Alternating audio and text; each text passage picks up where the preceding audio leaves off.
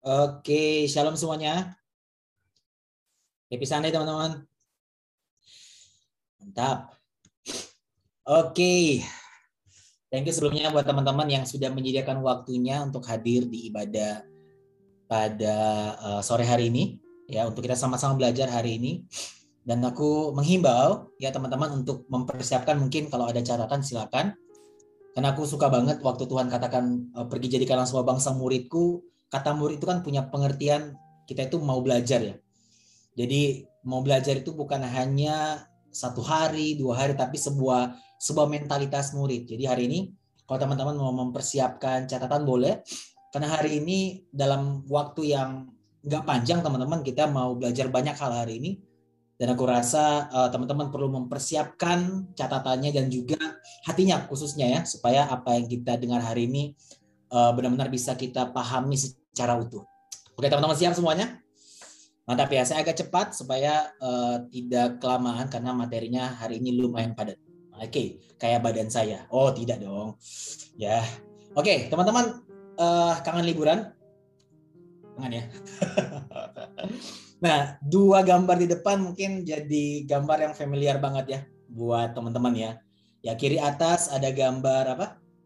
Boarding pass ya.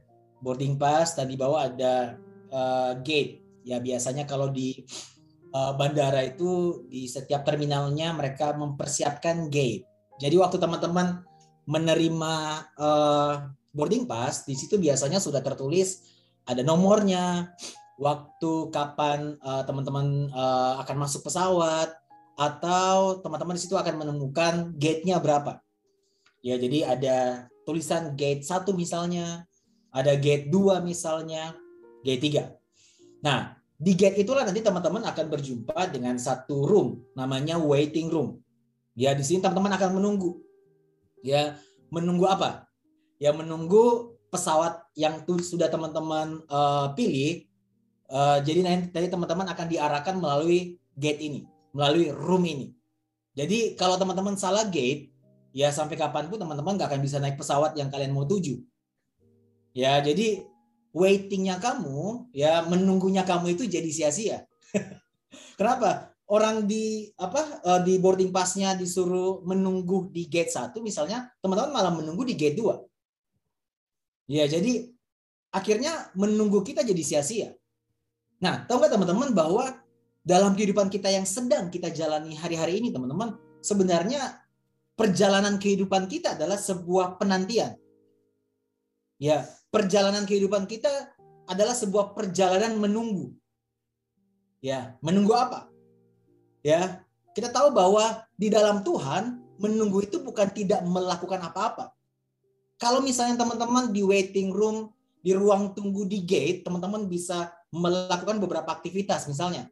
Ya ada yang tidur lah, ada yang video call sama pacar lah, keluarga lah, ada yang main game lah, ada yang nonton lah, Nah, di dalam Tuhan pun, ya kalau teman-teman perhatikan ya, menunggu kita bukan berarti tidak melakukan apa-apa.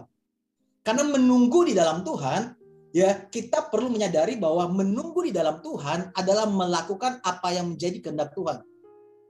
Jadi menunggunya kita itu nggak sia-sia. Nah, kalau teman-teman sekedar menunggu aja jawaban dari Tuhan, diam aja.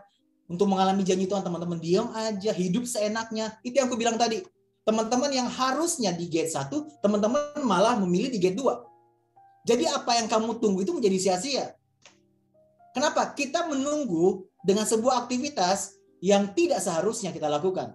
Yang membuat pada akhirnya kita menantikan sesuatu, akhirnya kita nggak akan dapat itu. Kenapa? Kita dalam gate yang lain. Kita dalam ruang tunggu yang lain. Ya, jadi menunggu di dalam Tuhan bukanlah tidak melakukan apa-apa. Tapi menunggu di dalam Tuhan adalah melakukan apa yang menjadi kehendaknya. Ya, nah hari ini teman-teman kita itu sedang menunggu sebenarnya. Banyak hal yang kita sedang tunggu, entah jawaban Tuhan, entah apa yang kamu doakan, entah apa pun itu. Kita sebenarnya sedang dalam mode menunggu, mode waiting. Nah, secara garis besar sebenarnya sebagai orang percaya kita dalam sebuah perjalanan untuk dua hal ini yaitu kita dalam perjalanan untuk menjadi serupa dengan Kristus. Dan yang kedua, kita dalam perjalanan supaya tujuan Tuhan dalam kehidupan kita itu bisa tercapai. Jadi menunggunya kita punya tujuan. Jadi kalau hari ini teman-teman sedang menjalani sebuah hari-hari yang yang apa yang kita nikmati hari-hari ini, ini bukan sekedar hari ini biasa lewat aja. Ya udah biar lewat aja kayak gini. Enggak. Hari yang kita jalani hari ini adalah sebuah proses perjalanan. Sebuah perjalanan Ya penantian untuk apa? Untuk menjadikan kita serupa dengan Kristus. Dan juga supaya tujuan Tuhan dalam kehidupan masing-masing kita itu bisa kita terima. Amin. Jadi ini tujuannya. Jadi penantian kita, menunggunya kita, jadinya nggak sia-sia ketika kita menyadari bahwa menunggunya kita punya tujuan. Amin teman-teman. Dan di dalam perjalanan menunggu ini, kita harus menyadari tiga hal ini, teman-teman. Yaitu, kita semua yang pertama sedang berubah jalan. Amin. Kita semua sedang berubah jalan nih. Ya, kita ini sedang disempurnakan. Kita belum ada yang sempurna. Kita sedang disempurnakan oleh Tuhan. Kita semua sejatinya adalah orang-orang yang lagi berubah jalan. Makanya sesama orang yang lagi berubah jalan jangan saling menghakimi. Ya, jadi walaupun teman-teman sudah hamba Tuhan, sudah pelayanan, wah sudah jadi wah banyak hal lah dalam pencapaian-pencapaian pelayanan atau kerohanian kamu itu luar biasa, tetap aja kita berubah jalan. Ya kalau setiga s 10 katakan apa? Ya kita telah mengenakan manusia baru yang terus-menerus diperbaharui. Jadi sejatinya perjalanan kita, kita harus menyadari hal ini. Bahwa kita semua sedang berubah jalan. Kita masih punya kelemahan Mungkin sakitnya aja yang berbeda. Ya kayak saya misalnya flu, saudara sakit kepala, tapi sejatinya kita semua sedang berobat jalan. Itu yang pertama. Yang kita harus sadari dalam perjalanan kita ketika kita hidup di dunia ini. Yang kedua, kita harus menyadari bahwa perjalanan kehidupan kita ini, kita pasti akan berjumpa dengan yang namanya tantangan. Kita pasti akan berjumpa dengan yang namanya hambatan, rintangan. Bahkan ada yang namanya penderitaan. Ini realita dalam kehidupan kita sebagai orang percaya. Bahkan waktu Tuhan katakan kamu lebih dari pemenang, ya, itu berarti kamu harus mengalami satu pertandingan dulu. Karena tanpa pertandingan tidak ada kemenangan. Itu kenapa tantangan, hambatan, rintangan pasti akan kita lewati dalam kehidupan kita. Ini adalah sebuah realita perjalanan kita sebagai orang percaya. Jadi pertama kita harus sadari bahwa kita semua lagi berobat jalan. Garis bawahi kita semua. Kita semua. Kita semua.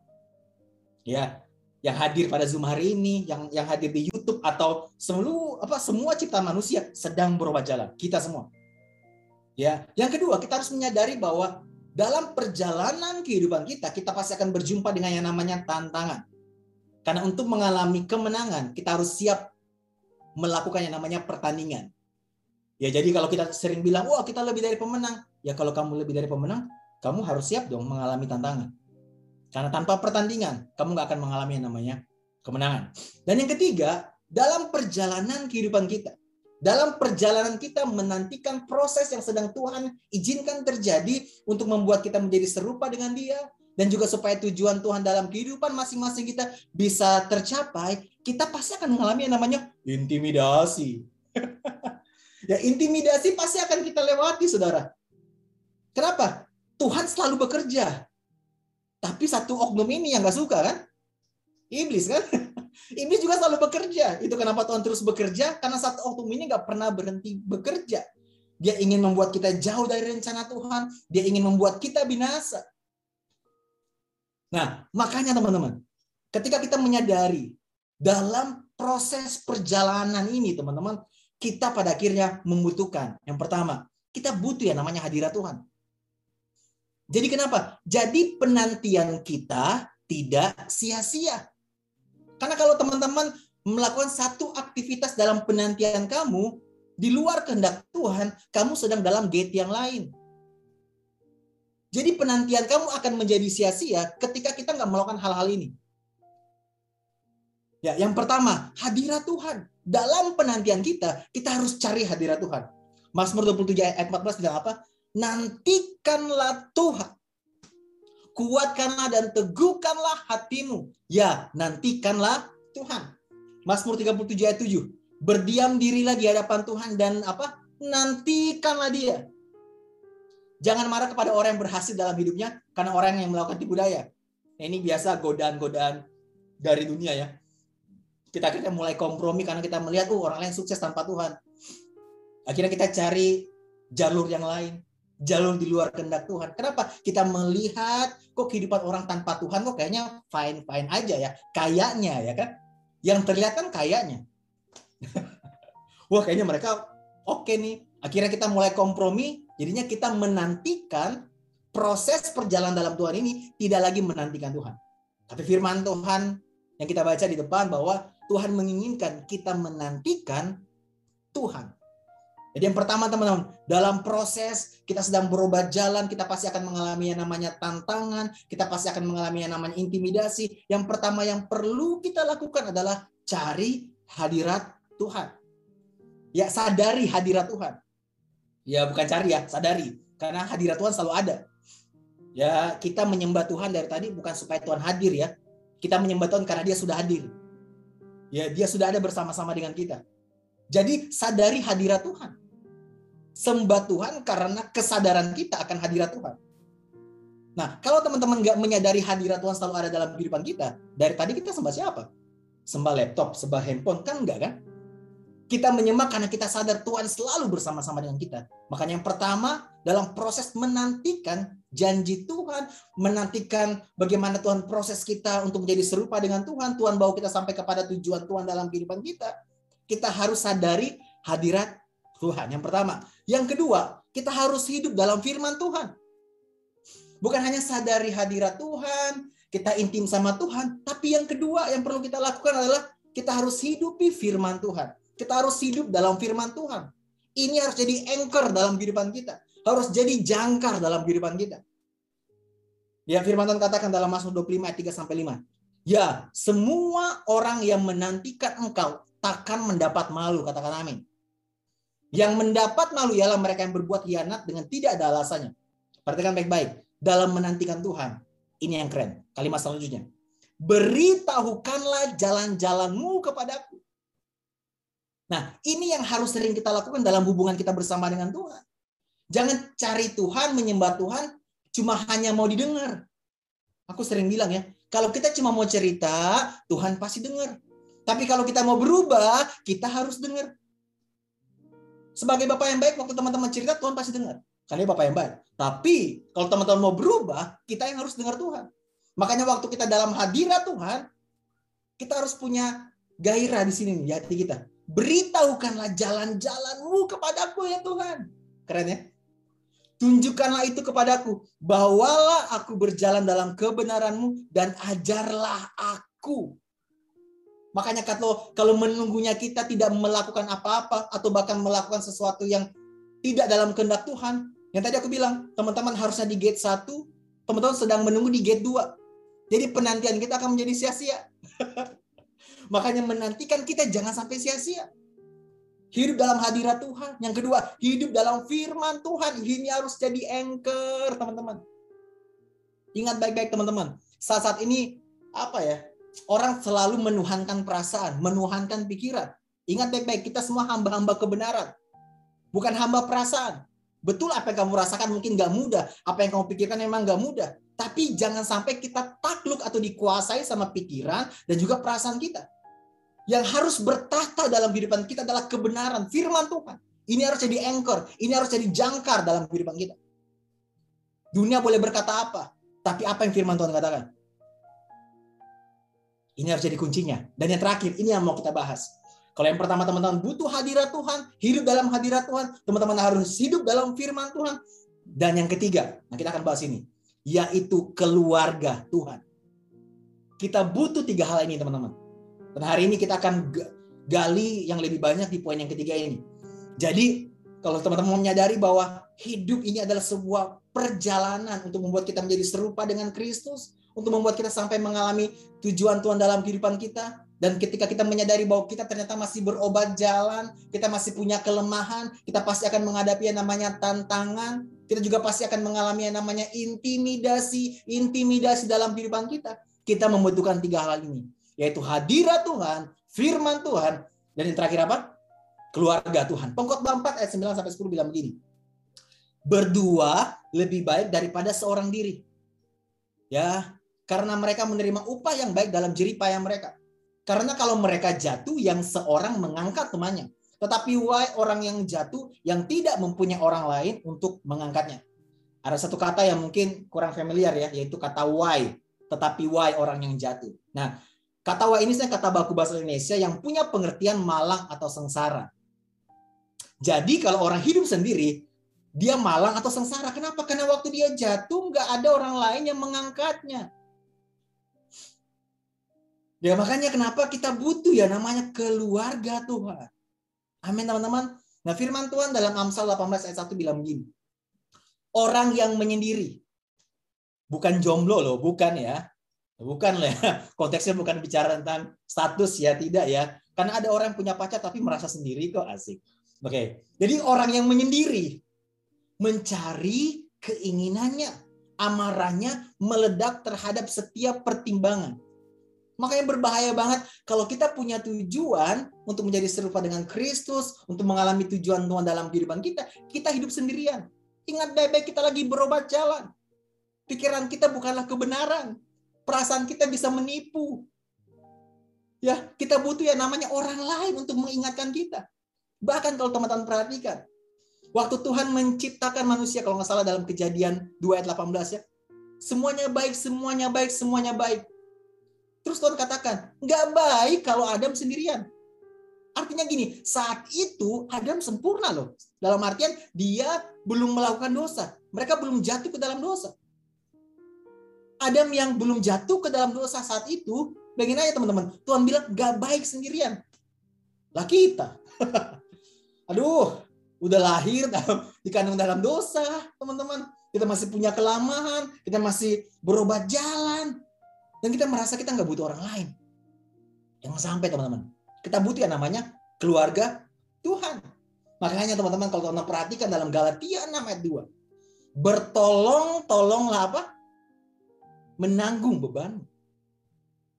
Demikianlah kamu memenuhi hukum Kristus. Artinya kita semua teman-teman harus saling menolong satu dengan yang lain. Kenapa? Kita menyadari kita lagi berobat jalan. Kita pasti akan mengalami tantangan. Kita perlu dikuatkan. Kita mengalami yang namanya intimidasi, teman-teman. Jadi kita harus saling bertolong-tolong. Ya, amin teman-teman. Nah, teman-teman di depan ada dua gambar. Ya, kiri atas kora-kora. Bukan kora-kora ninja. Aduh. Bukan. Ya, ini permainan di Dufan ya, dunia fantasi ya. Ya, di mana uh, tadi uh, salah satu leader kita Bang Resi yang doa dia suka banget permainan ini ya Bang ya. ya jadi permainan yang di ini nih diombang ambing tuh kayak kapal lagi diombang ambing. Nah, yang di bawah ada beberapa wahana. Ada histeria kalau nggak salah nih kalau nggak salah ya. Ada halilintar juga. Asia itu bukan itu Ata. Ada halilintar, ada apa pun itulah. Saya kurang paham juga nih. Tapi teman-teman kalau teman-teman perhatikan ya, ini kan permainan-permainan yang teman-teman tahu permainan ini adalah permainan yang menantang. Betul ya? Nah, udah tahu menantang, mem, apa memacu adrenalin, kenapa sih kita mau naik? Apa yang membuat kita pengen naik? Kalau kita tahu permainan ini, aduh, tanda kutip berbahaya. Pasti karena satu hal ini, rasa aman. Karena kita tahu wahana ini punya safety yang baik, akhirnya kita mau naik. Ya, kalau misalnya kita naik sama satu orang, aku takut, ya aku takut. Udah tenang, nggak apa-apa kok, aman kok. Paling baru kemarin baru 8 orang yang mati. Mau naik nggak dia? Enggak kan? 8 orang mati baru kemarin kan nggak bisa. Nah, semakin kita menyadari safety-nya baik, ada rasa aman di sini, akhirnya kita mau naik meskipun kita tahu permainan ini punya punya tantangan. Sama juga dengan permainan ini, teman-teman. Ini biasa permainan outbound ya. Ya, kalau misalnya kan gambar kiri di atas itu kan ada wanita, ada talinya ya. tali yang digantung. Nah ada beberapa beberapa uh, outbound yang seperti ini kurang lebih nggak ada talinya. Jadi safety satu-satunya adalah yang di bawah itu, yang namanya safety net, jaring pengaman. Nah, tahu nggak teman-teman? Dalam kehidupan kita, tadi Abang Zuzu udah sharing bahwa orang-orang di sekeliling kita, entah keluarga, entah mentor, entah gembala kita, orang di gereja, komunitas kita, mereka lah yang menjadi safety net buat kita. Ya, ketika kita tahu bahwa hidup ini penuh tantangan, kita masih punya kelemahan, kita diintimidasi, kita tahu waktu kita berjalan, kita tahu kita punya rasa aman. Kenapa? Kita tahu ada safety net, safety net yang ada dalam kehidupan kita. Waktu kita jatuh, kita tahu mereka akan peluk kita. Waktu kita buat salah, kita tahu mereka akan mengingatkan kita. Maka teman-teman, hidup dalam keluarga Tuhan ini penting banget. Jadi jangan sampai kita melakukan penantian yang menjadi sia-sia. Kita menanti hidup sendirian. Kita perlu cari yang namanya keluarga Tuhan, teman-teman. Ya, firman Tuhan dalam Kolose 3 ayat 14 berkata begini, dan di atas semuanya itu kenakanlah apa? Kenakanlah kasih sebagai pengikat yang mempersatukan dan juga yang menyempurnakan. Nah, di dalam keluarga Tuhan harus ada yang namanya kasih sebagai pengikat. Pastor Vero di minggu pertama sudah bahas komunitas di dunia ini banyak. Ya, ada komunitas penyuka Barbie, ada apa komunitas suka game, ada komunitas Vesa misalnya. Tapi nggak semua komunitas yang dasarnya adalah Kristus, yang berpusat pada Kristus. Nah, sebagai keluarga Tuhan, kita harus punya namanya kasih sebagai pengikat. Ya, jadi teman-teman bergabung dalam sebuah komunitas nggak menjamin komunitas itu baik buat saudara. Makanya hari ini kita mau belajar. Ada beberapa poin supaya kita mengerti. Bicara tentang safety net. Dalam safety net itu kita harus menggunakan kasih sebagai pengikat. Nah, saya coba saya coba ini ya uh, jelaskan yang menurut saya di dalam komunitas atau keluarga Tuhan, kenakanlah kasih ini ada sifat-sifat ini.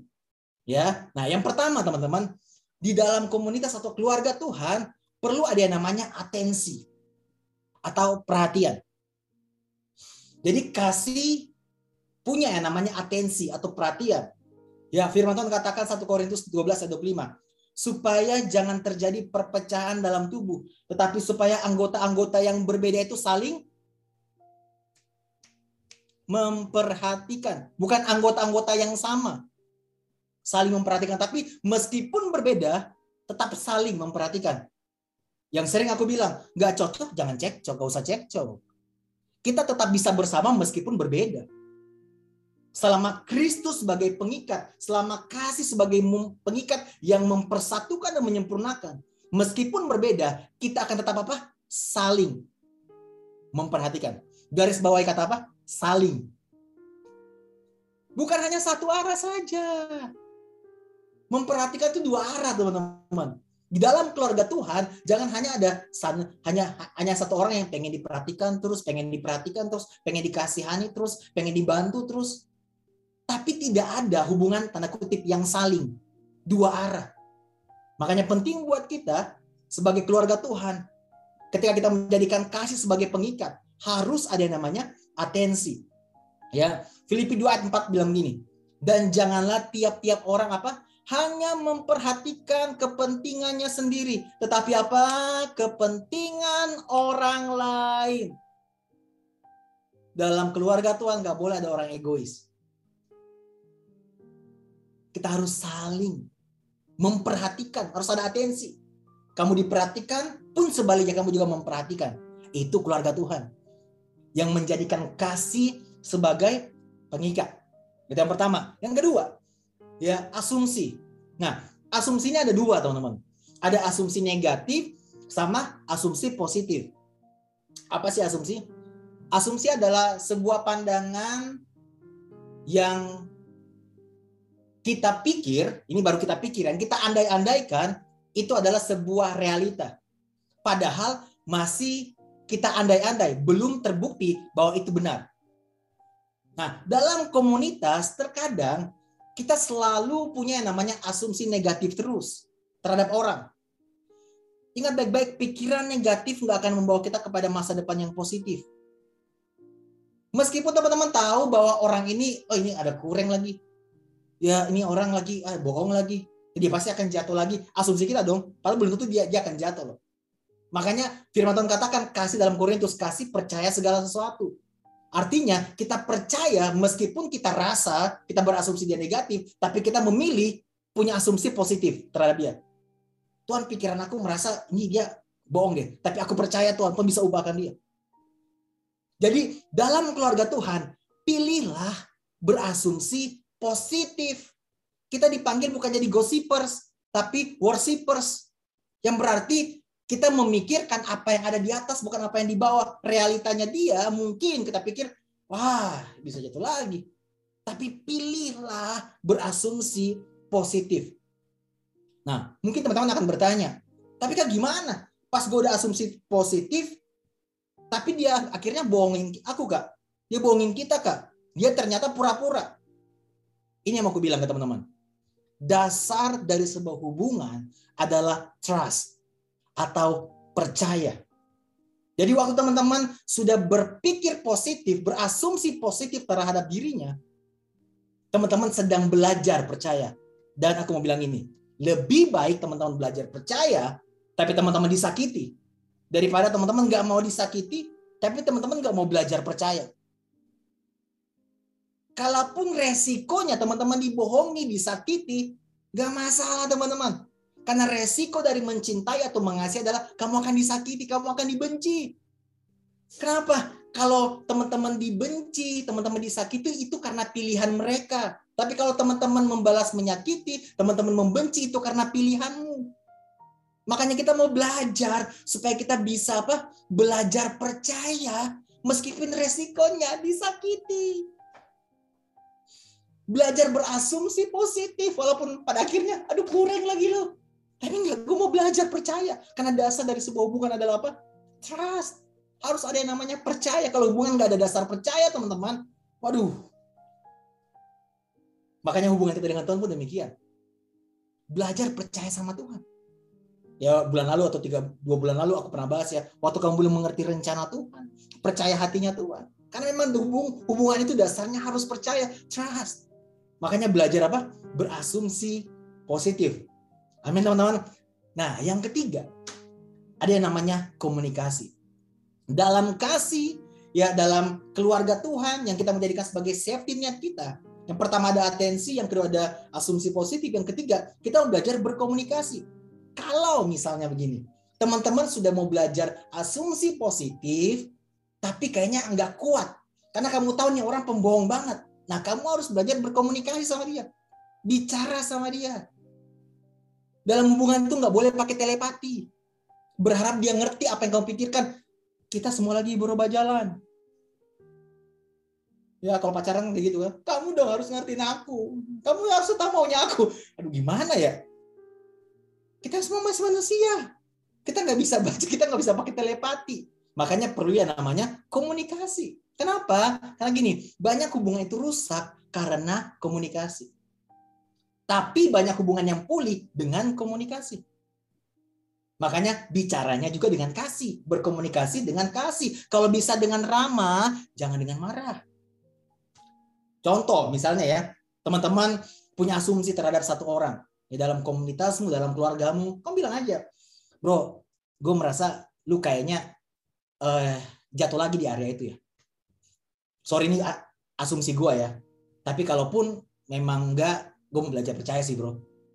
Iya bro. Enggak lagi. Gue enggak enggak jatuh bro. Gue aman kok masih masih aman-aman. Nah teman-teman jangan langsung kayak ah bohong lu bokis lu. Jangan.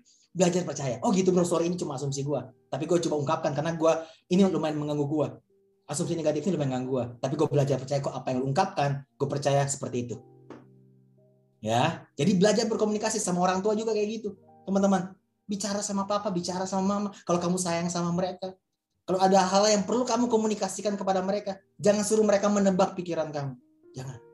Bicara sama mereka, latih untuk berkomunikasi. Karena kasih berkomunikasi, karena banyak hubungannya rusak, karena komunikasi, saling dingin, diam-diaman. Tapi banyak yang hubungan pulih, tau nggak apa? Dengan komunikasi juga. Dia coba utarakan. Amin. Nah yang keempat teman-teman, edukasi. Kasih mengedukasi. Kenapa penting yang namanya ada edukasi dalam kasih? Supaya gini teman-teman, tidak ada pembiaran. Bukan kasih tanpa edukasi. Banyak orang kan cuma mau diterima apa adanya ya. Tapi pas mau dibentuk jadi bejananya Tuhan, pada nggak mau. Aku pernah bahas ini juga. Kita jangan hanya mau terima diterima apa adanya oleh Tuhan, tapi kita juga harus terima Tuhan seutuhnya dong.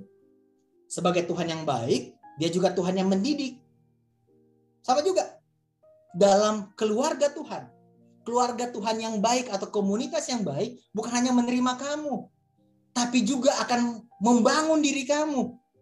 Kenapa? Karena ini, ya, penerimaan tanpa tujuan menjadi serupa dengan Tuhan adalah pembiaran. Sorry aku harus bilang tanda kutip, jahat jadinya. Kita biarin orang tetap apa adanya. Padahal Tuhan mencintai kita apa adanya tapi dia nggak akan pernah biarkan kita tetap apa adanya dia akan ubah kita menjadi bejananya sama juga dengan kehidupan kita sebagai keluarga Tuhan sebagai safety ini satu dengan yang lain teman-teman. Kita terima mereka apa adanya kita rangkul mereka tapi kita bangun mereka. Ya terus bangun mereka kita ingatkan mereka. Berdasarkan firman Tuhan berdasarkan firman Tuhan. Bangun mereka terima tapi bawa mereka untuk hidup dalam kebenaran. Supaya apa? Penantian kita nggak jadi sia-sia. Supaya kita menantikan di gate yang tepat, di ruang tunggu yang tepat. Kalau enggak, ya seperti buang-buang waktu. Amin teman-teman, jadi kasih mengedukasi. Dan yang kelima teman-teman, kalau kita menjadikan kasih sebagai pengikat, kita mau belajar satu hal ini juga, yaitu belajar mengapresiasi. Karena kasih selalu mengapresiasi. Ya, nggak ada orang overdosis karena dipuji teman-teman. Aku sih sampai saat ini belum pernah ketemu ya. Ketemu orang di jalan, berbusa mulutnya. Aku tanya, kenapa bro? Habis dipuji overdosis. Aku masih belum pernah ketemu ya. Kenapa kita susah untuk mengapresiasi orang? Padahal dalam perjalanan kehidupan kita dengan keluarga Tuhan. Ya, Tuhan kadang gini, Tuhan percayakan kepada kita perubahan mereka yang gak langsung besar, tapi kecil. Kenapa Tuhan percayakan perubahan kecil? Kenapa? Tuhan mau latih kita. Supaya dari perubahan kecil ini kita belajar bersyukur. Sebelum kita dipercayakan perubahan yang lebih besar. Contoh, mangga kecil, mangga besar. Sama-sama mangga, betul? Teman-teman nggak akan bilang mangga kecil ini durian. Enggak, mangga kecil, mangga, mangga besar, mangga. Sama juga perubahan kecil, perubahan, perubahan besar, perubahan, sama-sama perubahan. Kalau kita saat ini lagi dipercayakan perubahan kecil, bersyukurlah, rayakan itu. Misalnya ada orang dia doyan uh, minum, mabok ya, setiap hari dia mabok. Terus dia bertobat, kak, gue udah bertobat kak, kenapa? Ya gue udah berhenti mabok kak, wih keren. Berapa lama bro? Baru dua hari kak, wih. Ya kita bilang, wah itu mah bukan berhenti bro, itu namanya jeda. Enggak, kita nggak bilang kayak gitu. Kita akan bilang, bro keren banget. Karena gini, buat kita itu perubahannya mungkin nggak signifikan. Tapi buat dia itu perubahan yang dilakukan itu butuh effort butuh usaha, butuh pengorbanan yang perlu dia lakukan. Makanya kalau kita nggak rayakan itu, ya dia akan kembali lagi dengan kehidupan yang lama. Karena segala sesuatu yang kita rayakan akan berulang. Makanya kita harus belajar mengapresiasi orang tua kita, mama kita, papa kita, kakak kita, adik kita, apa anak-anak rohani kita, mentor kita, gembala kita, apresiasi perubahan-perubahan yang kecil. Karena setiap perubahan pasti butuh yang namanya effort. Meskipun kecil, belajar mengapresiasi, belajar merayakan. Dan terakhir teman-teman, kalau kita menjadikan kasih sebagai pengikat yang mempersatukan dan menyempurnakan, kita harus belajar satu hal ini. Manage ekspektasi kita. Kenapa? Kasih diuji ketika orang lain tidak sesuai ekspektasi. Manage ekspektasi kamu supaya kamu mengasihi bukan untuk mengubah. Karena mengubah bagiannya Tuhan. Bagiannya kita adalah mengasihi. Kita suka kecewa sama orang gereja kan? Kecewa sama satu orang, larinya dari keluarga. Suka gitu ya, teman-teman ya. Dalam keluarga Tuhan, dalam komunitas, kita kecewa sama satu orang nih. Kita tinggalkan keluarga kita, keluarga Tuhan kita. Karena hanya satu orang doang. Makanya kita harus belajar manage ekspektasi. Ya, karena yang mengubah itu bukan kita, itu Tuhan. Bagian kita adalah mengasihi mereka. Meskipun mereka belum berubah, kita akan terus mengasihi mereka. Jadi kalau kita mau jadikan kasih sebagai pengikat, manage ekspektasi kita. Kita mengasihi bukan untuk mengubah dia. Kita mengasihi dia karena kita murni untuk melepaskan cinta yang sudah Tuhan berikan kepada kita, kepada orang-orang sekitar kita. Jadi bukan mengubah karena mengubah partnya Tuhan. Caranya, bentuknya, waktunya. Terserah Tuhan. Amin teman-teman. Aku akan tutup dengan ayat ini. Firman Tuhan katakan begini. Janganlah kamu sesat. Ini ayat yang sangat terkenal. Pergaulan yang buruk merusakkan kebiasaan yang baik. Berarti kalau saya putar kalimatnya. Kalau pergaulan yang buruk merusakkan kebiasaan yang baik, berarti pergaulan yang baik bisa merubah kebiasaan yang buruk. Kalau pergaulan yang buruk bisa merusakkan kebiasaan yang baik, lebih lagi pergaulan yang baik bisa merubah kebiasaan yang buruk. Makanya penting untuk kita menyadari kita harus jadi, kita harus temukan keluarga Tuhan. Kalau teman-teman belum menemukan itu, jadilah keluarga Tuhan. Kalau teman-teman belum menemukan safety net kalian, jadilah safety net buat keluargamu. Jadilah safety net buat mentormu atau siapa pun itu orang sekeliling kamu. Ya, karena perhatikan baik-baik teman-teman. Tidak semua keterbukaan menghasilkan perubahan. Ya, teman-teman mau terbuka dalam komunitas, wah gue merasa, tapi ingat baik-baik, nggak semua terbuka menghasilkan perubahan. Ya, Yudas Iskariot dia terbuka. Ya, di Matius 27, dia bilang, aku menyesal telah menjual Yesus tapi dia berujung bunuh diri. Ternyata keterbukaan bukan awal dari pemulihan. Keterbukaan awal dari ketahuan. Betul ya? Karena waktu teman-teman terbuka, teman-teman gak langsung berubah. Right? Butuh yang namanya keluarga Tuhan. Karena keterbukaan itu harus butuh yang namanya ruang yang tepat. Ruang yang safe. Di mana kamu menemukan yang namanya rasa aman. Kamu bukan hanya diterima, tapi kamu juga dibangun. Dibentuk dipimpin, dituntun. Makanya tidak semua keterbukaan menghasilkan perubahan. Tapi waktu teman-teman terbuka di tempat yang tepat, ketika teman-teman berjumpa dengan orang-orang yang melihat dari sudut pandangnya Tuhan, teman-teman pasti akan mengalami perubahan. Jadi keterbukaan bukan awal dari perubahan atau pemulihan. Keterbukaan awal dari ketakuan. Dan butuh orang-orang yang melihat seperti Tuhan melihat yang akan membantu memulihkan. Aku akan closing dengan statement dari Pi aku nih, anak rohaniku kesayangan juga salah satunya nih. Fanya, Fanya pernah bilang begini. Pada akhirnya, keterbukaan di tempat yang tepat tidak akan membuat kita malu, tapi akan membuat kita maju. Amin teman-teman. Gue percaya teman-teman, Tuhan pasti akan menyediakan safety net buat kita. Keluarga Tuhan. Kenapa? Karena Tuhan tidak menginginkan penantian kita menjadi sia-sia kita yang lagi berobat jalan, kita yang lagi berjumpa dengan tantangan, kita yang pasti akan mengalami yang namanya intimidasi, intimidasi. Kita butuh yang namanya pertama hadirat Tuhan, firman Tuhan, dan kita juga butuh yang namanya keluarga Tuhan. Amin teman-teman. Aku berdoa ya dalam waktu menantikan proses yang sedang terjadi, yang sedang Tuhan uh, proses dalam kehidupan kita. Kita akan kita dalam sebuah perjalanan untuk menjadi serupa dengan Kristus untuk sampai kepada tujuan Tuhan yang sudah Tuhan siapkan buat kita teman-teman. Dan kita harus menyadari kita lagi berobat jalan, kita punya tantangan yang akan pasti kita lewati dalam kehidupan. Kita pasti akan mengalami namanya intimidasi. That's why kenapa kita butuh yang namanya hadirat Tuhan, firman Tuhan, keluarga Tuhan. Supaya apa? Kita menunggu di gate yang tepat. Kita menunggu di ruang tunggu yang tepat. Ya, Ya, pada akhirnya kita akan akhirnya menemukan keluarga Tuhan yang menjadi safety net buat kita. Kita tahu ke depan pasti akan ada tantangan. Kita tahu ke depannya gue masih akan mengalami namanya kelemahan. Kita tahu bahwa ke depannya gue akan mengalami yang namanya intimidasi. Tapi kita menemukan safety net. Waktu kita jatuh kita dirangkul. Ya kita kita dirangkul bukan dipukul. Kita dibantu, kita diingatkan, kita dikasihi, kita dipeluk, kita tidak dihakimi tapi kita sangat-sangat disayangi. Ya, dan dalam safety net ya kita kita belajar tadi bahwa harus ada yang namanya atensi, perhatian dan bukannya satu arah tapi dua arah.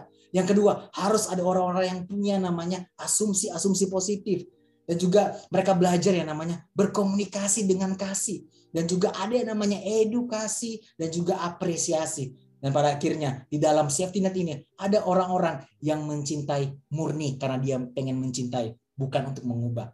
Karena mereka bisa memanage ekspektasi mereka. Amin teman-teman. Teman-teman dapat sesuatu hari ini? Oke teman-teman, sebelum kita mau berdoa kita akhiri, aku mau minta teman-teman untuk kita ambil waktu sebentar yuk. Kita ambil waktu sebentar teman-teman bisa taruh catatan kalian, bisa tarik nafas dulu mungkin karena terlalu cepat hari ini karena memang padat banget materi hari ini teman-teman kita mengambil waktu sebentar yuk sebentar yuk sebentar yuk kita ambil waktu sebentar tadi aku habis susu susu cerita tadi aku ke ke satu ruangan di sini dan aku nangis teman-teman aku tiba-tiba ke pop up satu kejadian ya uh, ada satu kejadian aku udah pelayanan sudah pelayanan dan aku habis lakukan satu kesalahan lah Ya, aku habis lakukan satu kesalahan, teman-teman. Aku habis lakukan satu kebodohan. Dan aku ingat banget, teman-teman. Pas aku cerita waktu itu, aku cerita salah satunya uh, di sini ada Pastor Vero dan juga aku cerita uh, salah satunya kepada Pastor Radit waktu itu, teman-teman. Gue ingat banget, teman-teman ya. Karena kenapa kenapa gue mau cerita kepada mereka? Karena gue tahu mereka safety net gue. Gue merasa aman, gue merasa dicintai, gue merasa diperhatikan, gue juga akan ditegur, gue pasti akan dibantu gue ingat banget waktu itu ya Pastor Radit cuma peluk gue dan dia dampingi gue dia dia tetap uh, ajak gue ke mana-mana ya gue ingat banget waktu itu kita ke salah satu gereja uh, dia temenin gue bahkan hari minggunya dia suruh gue khotbah. Nggak familiar untuk beberapa gereja karena orang yang habis buat kesalahan biasanya dihukum ya. Pastor Radit berbeda teman-teman.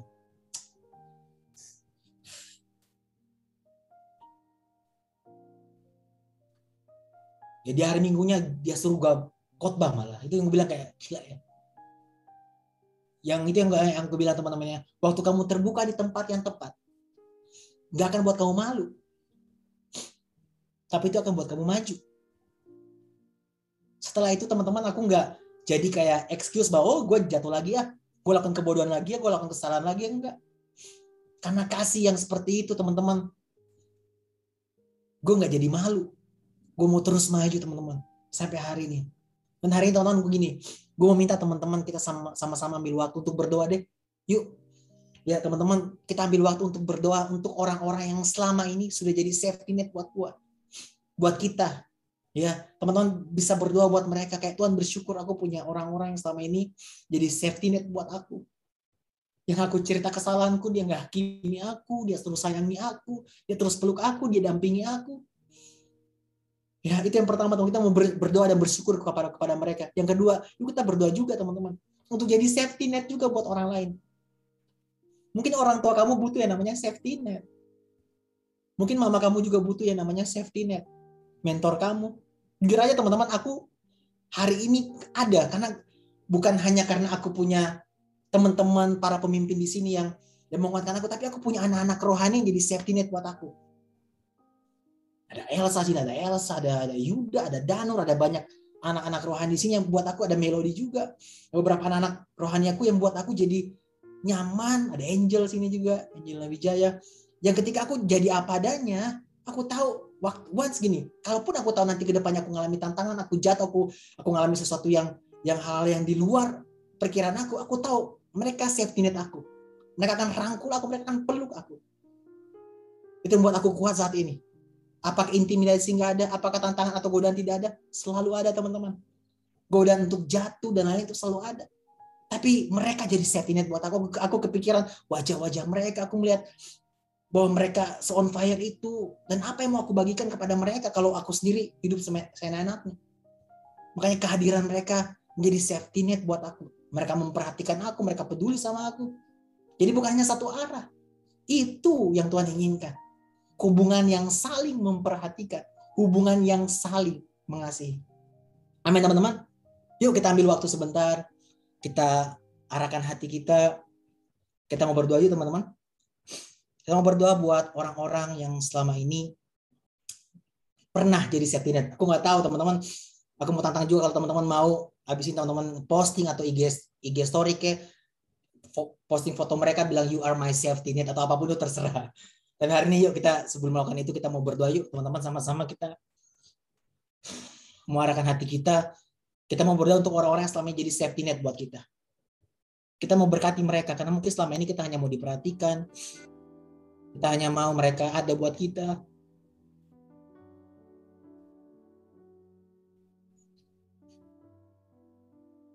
Tapi hari ini yuk kita mau berdoa yuk buat mereka teman-teman. Your safety net. Jadi orang tua kamu, papa, mama, kakak, siapa pun itu teman-teman Ambil waktu yuk teman-teman. Dua menit ke depan kita mau berdoa buat mereka.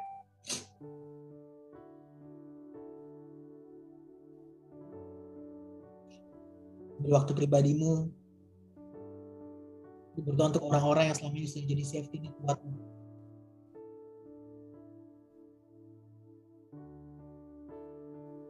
Berdoa buat mereka, bersyukur karena Tuhan mereka.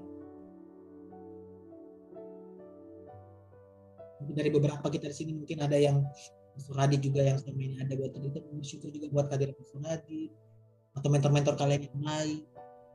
Pemimpin gereja kalian pemimpin orang tua kalian siapa pun ambil waktu untuk bersyukur karena mereka. Tuhan kirim jadi safety buat kamu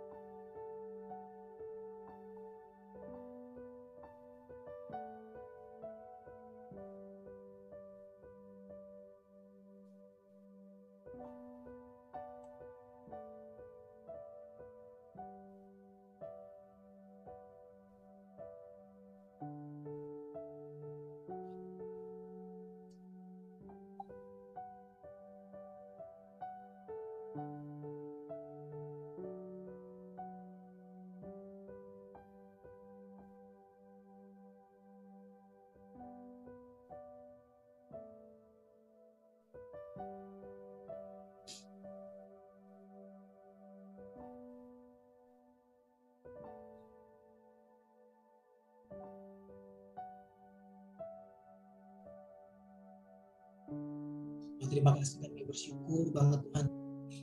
Tuhan gak biarkan kami sendirian. Kami sedang dalam perjalanan penantian menjadi serupa dengan dalam perjalanan untuk mengalami tujuan yang sudah Tuhan siapkan dalam kehidupan kami.